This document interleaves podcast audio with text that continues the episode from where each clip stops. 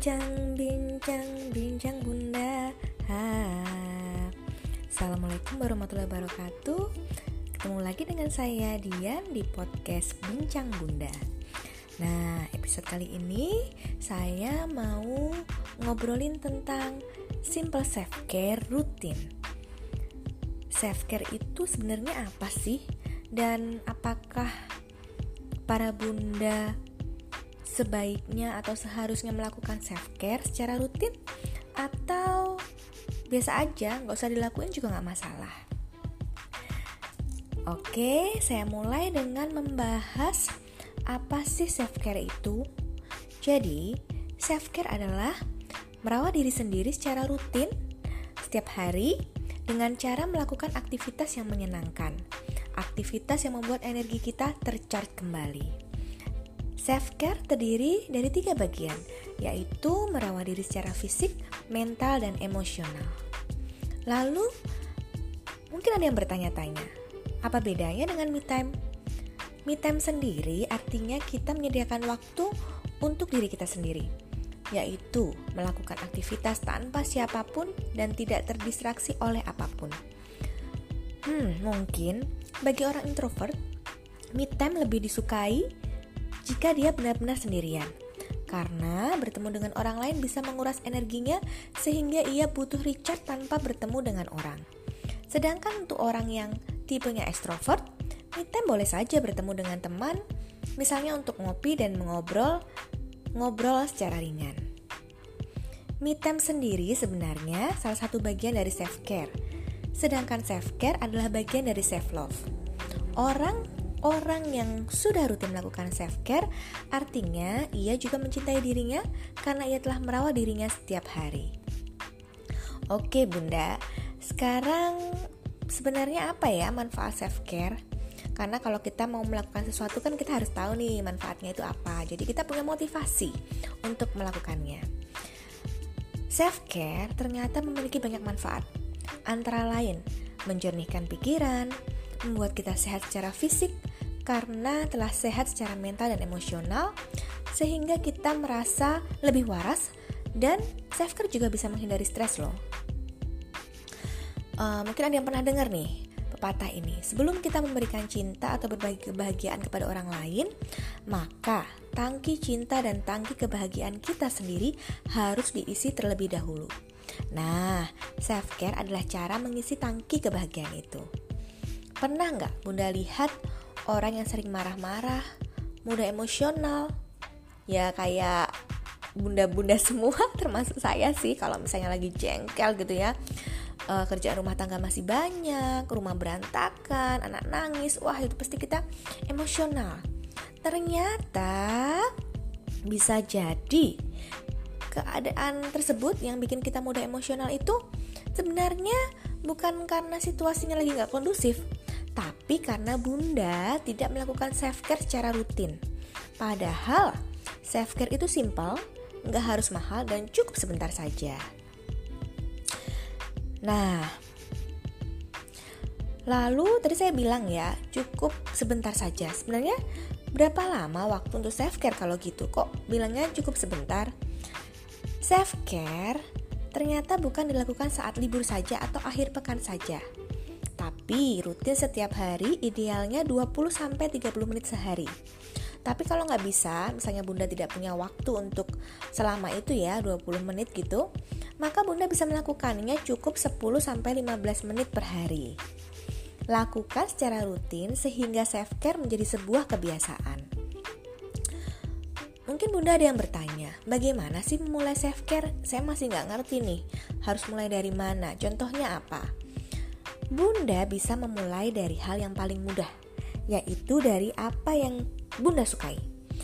Bisa dimulai juga dari hobi misalnya, seperti ngeteh di pagi hari sambil membaca buku tanpa distraksi apa pun.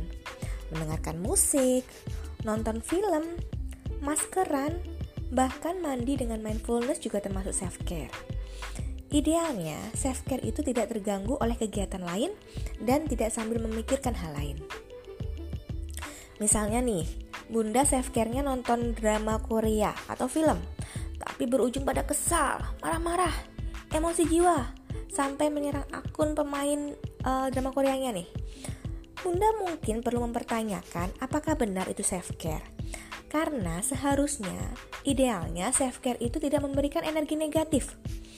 Justru sebaliknya, self care membuat atau menghasilkan energi positif sehingga membuat Bunda menjadi lebih rileks. Oke, kita sekarang ke bagian self care itu untuk siapa sih? Self care itu untuk semua orang loh, nggak terbatas bagi perempuan saja. Laki-laki juga membutuhkan self care. Jadi yang butuh self care bukan hanya bunda, tapi ayah juga. Bahkan anak-anak juga butuh self care. Contohnya nih, anak yang suka menggambar.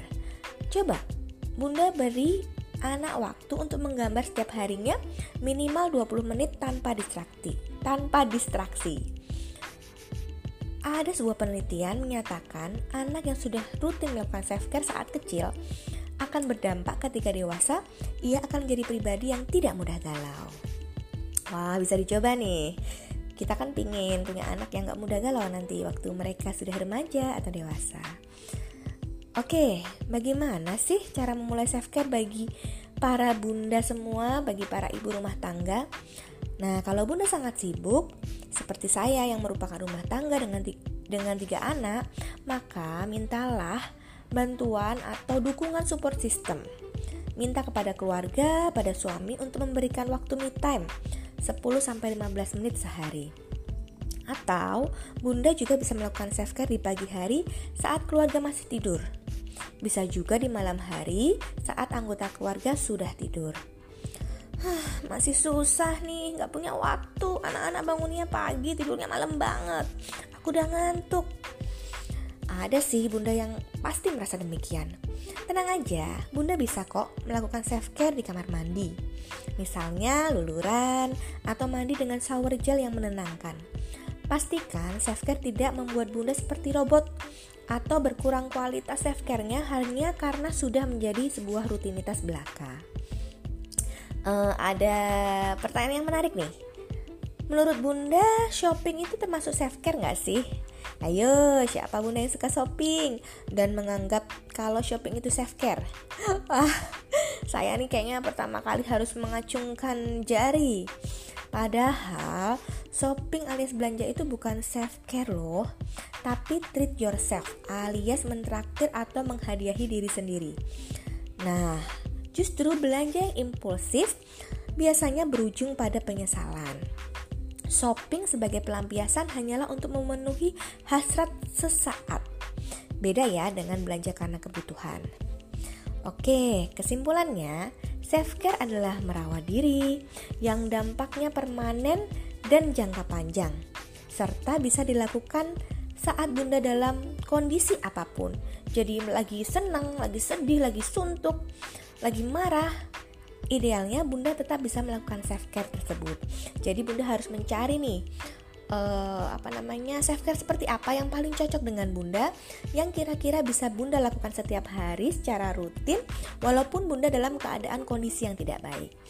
Oke, segitu saja uh, episode kali ini bersama saya Dian dan tadi yang saya sampaikan merupakan rangkuman dari Instagram live saya bersama dengan Megitania Ayu seorang muslim model dan model coach di salah satu agensi di Yogyakarta. Semoga bermanfaat. Wassalamualaikum warahmatullahi wabarakatuh. Bincang, bincang, bincang bunda. Hai